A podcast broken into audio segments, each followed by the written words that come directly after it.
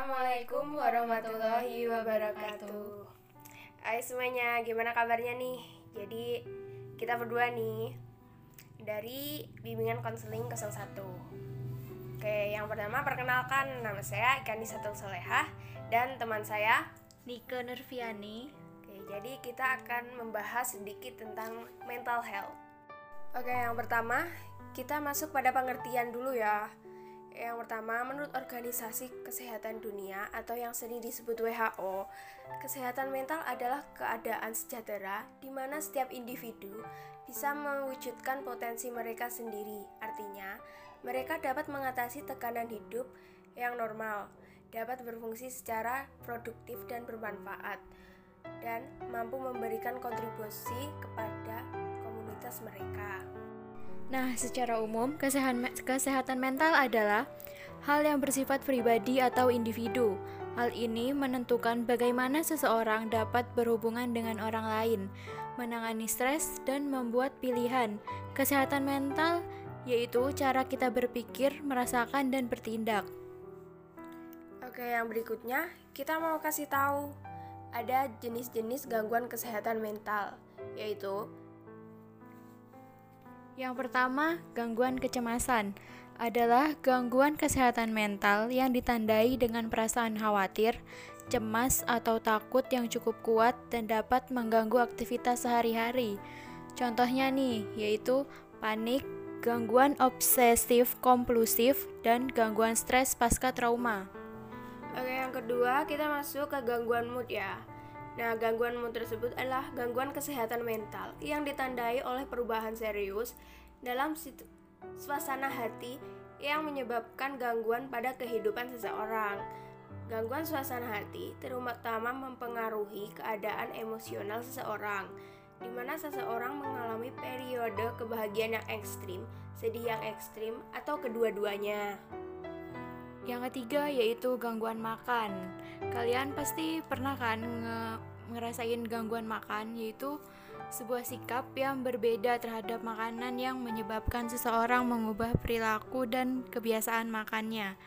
Hal ini dapat menjadi kondisi serius yang berdampak negatif bagi kesehatan, emosi, dan kemampuan seseorang dalam berbagai area kehidupan yang penting. Oke, yang keempat ada gangguan kontrol impuls adalah jenis gangguan kesehatan mental yang ditandai dengan sulitnya mengendalikan impuls agresif atau antisosial. Disebut antisosial karena gangguan ini kerap memiliki efek berbahaya pada pengidapnya dan orang lain di sekitarnya. Yang kelima yaitu gangguan kepribadian adalah suatu kondisi yang menyebabkan pengidapnya memiliki pola pikir dan perilaku yang tidak sehat dan berada da berbeda dari rata-rata orang biasanya. Pengidapnya juga sulit untuk merasakan, memahami, atau berinteraksi dengan orang lain.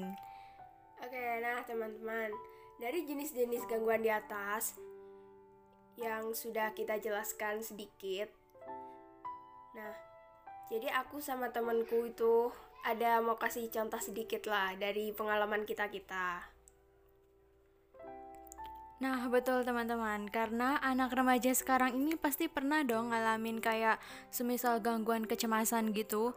Pasti kita pastinya kita akan bahas hal ini menurut kejadian yang pernah terjadi pada diri kita masing-masing atau yang pernah dialami oleh teman kita. Nah, oke, okay, dimulai dari aku dulu ya. Jadi aku tuh punya tetangga kan ya. Nah, sebenarnya dia tuh usianya seusia ibu aku. Menurut cerita dari ibu aku, dia tuh tinggal ditinggal cerai sama orang tuanya. Terus dia sama adiknya tuh tinggal sama bapaknya, kan? Wah, menarik juga ya ceritanya. Lanjutin dong. Nah, jadi dia tuh tertekan gitu batinnya. Sampai akhirnya dia mengalami depresi karena dia selalu membenam apa yang dia rasa Bahkan, adiknya tidak mengetahui apa yang menjadi penyebab sampai-sampai ia merasa sangat tertekan dan kemudian depresi. Ya, terus, dari cerita ibu aku, katanya dia juga udah beberapa kali diterapi dan menjalani pengobatan gitu. Sampai suatu hari ia mendengar bahwa ibu kandungnya itu mau menikah lagi dengan laki-laki lain. Nah, saat itu ia menolak untuk diberi obat, menolak untuk diterapi gitu. Jadi ia memilih mengurung dirinya di rumah. Nah, tepatnya itu di kamar. Bahkan ia tidak mau makan walaupun disuapi. Nah, selang beber beberapa hari, adiknya tuh maksa dia buat nyuapi, buat makan ya gitu ya kan. Namun, yang terjadi tidak sesuai dengan apa yang diharapkan oleh adiknya. Adiknya malah mendapatkan perlakuan yang tidak seharusnya.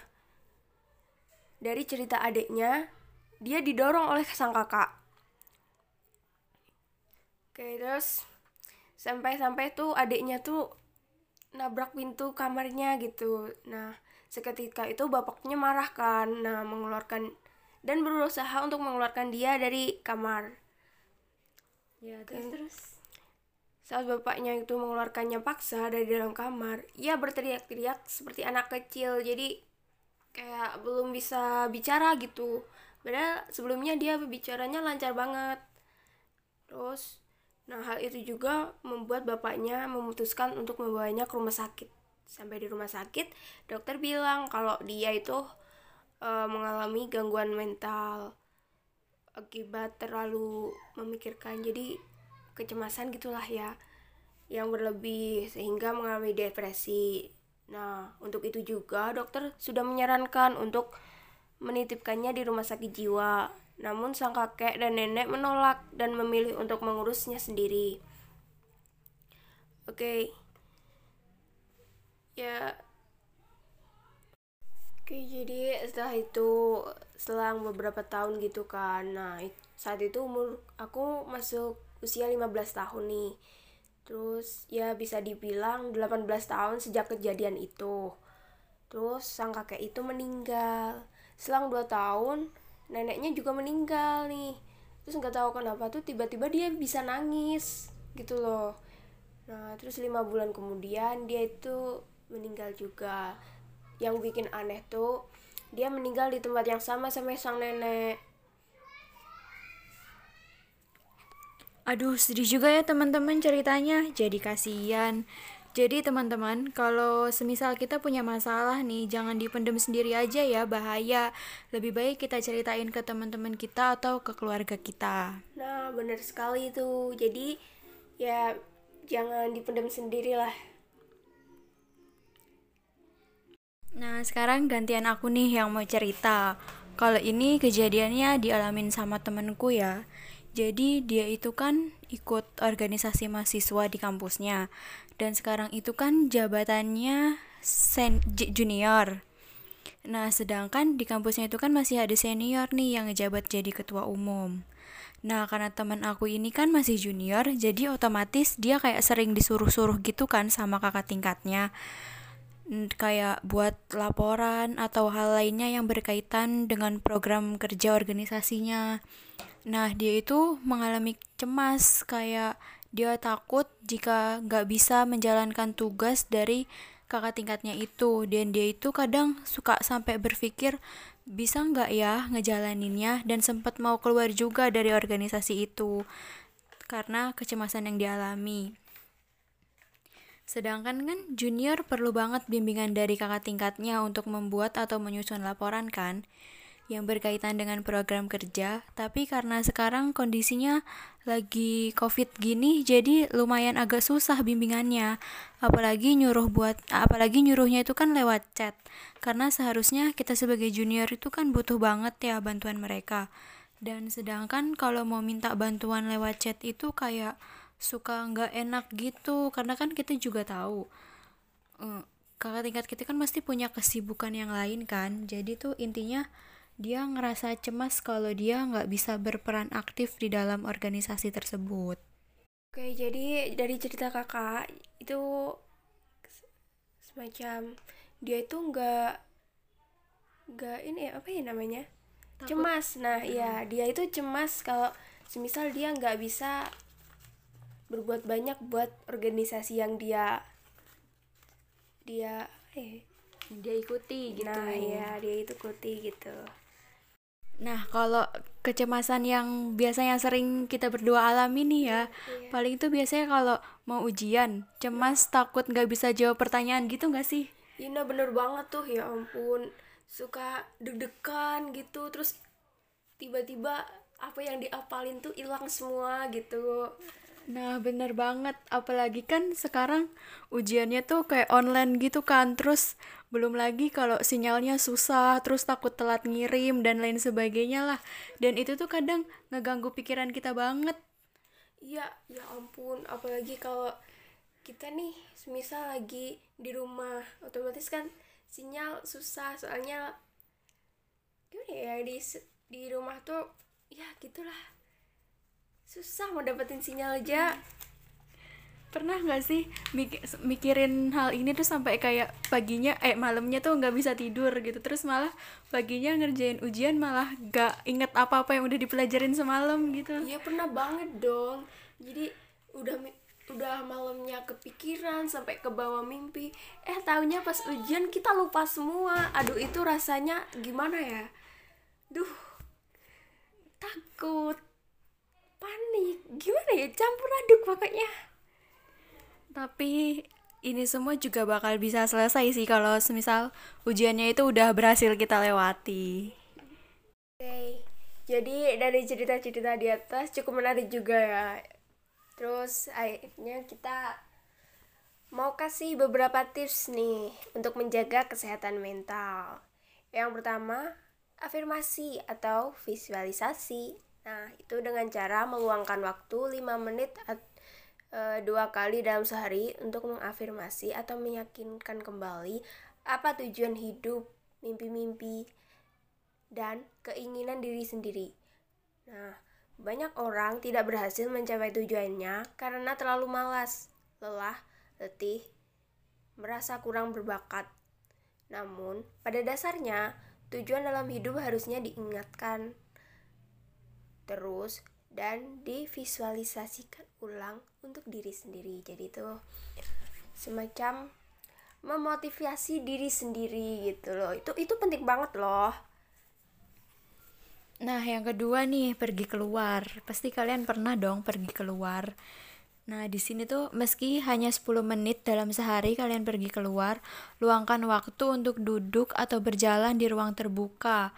Tujuannya biar kita bisa menghirup udara yang segar gitu. Dan terus sebaiknya lingkungannya itu yang dikelilingi pepohonan dan udara yang segar. Hal ini secara instan akan mengangkat sedikit atau banyaknya tingkat stres dalam pikiran kita. Dan kita dapat mengisi kembali energi dalam tubuh. Jadi tuh kalau misalkan kita istilahnya kayak merelaksasi gitu ya. Jadi nanti pikiran kita tuh bisa fresh lagi gitu. Oke, jadi cocok banget nih buat yang rumahnya banyak pohon. Pasti nanti kalau abis stres mikirin tugas terus keluar rumah, aduh rileksnya gitu kan. Nah, untuk yang ketiga nih, kita berolahraga. Oke, tubuh adalah penggerak segala aktivitas Anda. Kita semua gitu, ya ampun. Nah, jika tidak dirawat kesehatannya atau menurun kondisinya, penyakit akan mudah menyerang kita loh. Ya tentu saja dong. Kalau kita tidak sehat gimana? Alhasil, aktivitas terhambat dan mempengaruhi performa kerja. Selalu meluangkan waktu untuk berolahraga, makan makanan yang sehat agar berkaya berkarya dalam kehidupan ini semakin prima. Nah tuh, jangan lupa berolahraga di pagi hari nih. Makan makanan yang sehat, buah-buahan. Jangan yang instan terus ya. Jadi jangan males ya buat olahraga. Nah, yang ketiga, eh yang keempat ada meditasi. Yaitu kemajuan yang dialami seseorang selalu datang dan dimulai dari diri sendiri. Segala hal negatif yang ada di sekitar kita jangan sampai merusak kesehatan mental kita secara perlahan. Caranya gimana sih? Yaitu luangkan waktu untuk diri sendiri dengan cara meditasi selama 30 menit dalam sehari. Oke, jadi nggak selamanya menyendiri itu negatif ya, ada positifnya. Oke. Nah, yang kelima nih, senyum dong. Nah, meskipun terdengar egois. Tapi, senyuman selalu dapat mengubah dunia menjadi lebih positif loh. Contohnya di senyumin doi ini ya. nah, terus tidak hanya baik untuk diri sendiri, namun juga orang lain tuh kan. Nah, lupakan anggapan miring tentang memberikan senyum kepada orang lain dan rasakan manfaat menular aura positif kepada orang lain untuk diri sendiri. Senyum yang tulus datang dari hati, dan jika masih terasa kaku, latihlah di depan cermin. Tuh. Jadi uh, buat istilah yang senyum-senyum sendiri kayak orang gila itu tuh gimana ya? Patahin aja gitu. Jadi senyum itu membawa aura positif untuk kita maupun orang di sekitar kita. Ya.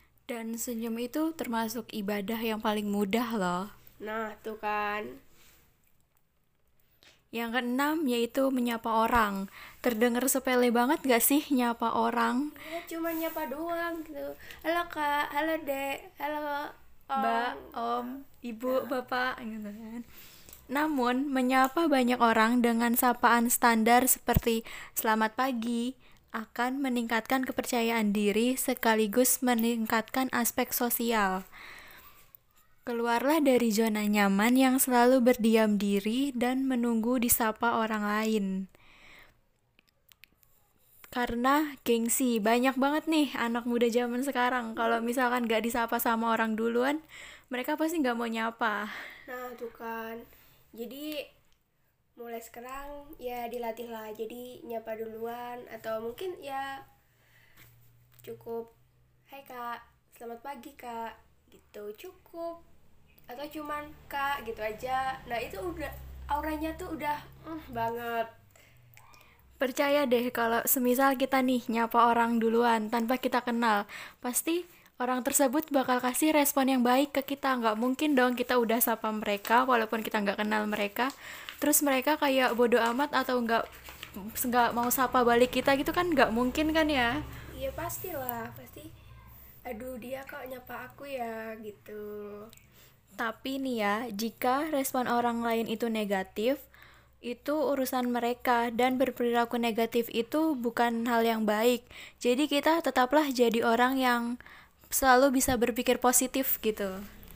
Jadi nih ya, mungkin di jalan kita lagi ketemu kakak tingkat nih, terus nyapa, "Hai Kak." Tapi dia cuek. Oh, mungkin kita positif thinking saja. Mungkin dia nggak denger yang kita sapa hmm, gitu. Jadi betul nggak usah kok kita mikir ih kakak itu kok sombong ya ih dia kok sombong ya apa dia gimana gitu nggak usah mungkin uh, kita positif thinking aja. Mungkin dia nggak denger oh mungkin dia nggak lihat gitu. Nah atau enggak kakaknya itu mungkin lagi sibuk ya jadi dia nggak terlalu mikirin lingkungan sekitarnya ada yang nyapa dia atau yang ajak ngobrol dia nah, gitu. ya mungkin dia nggak terlalu memperhatikan.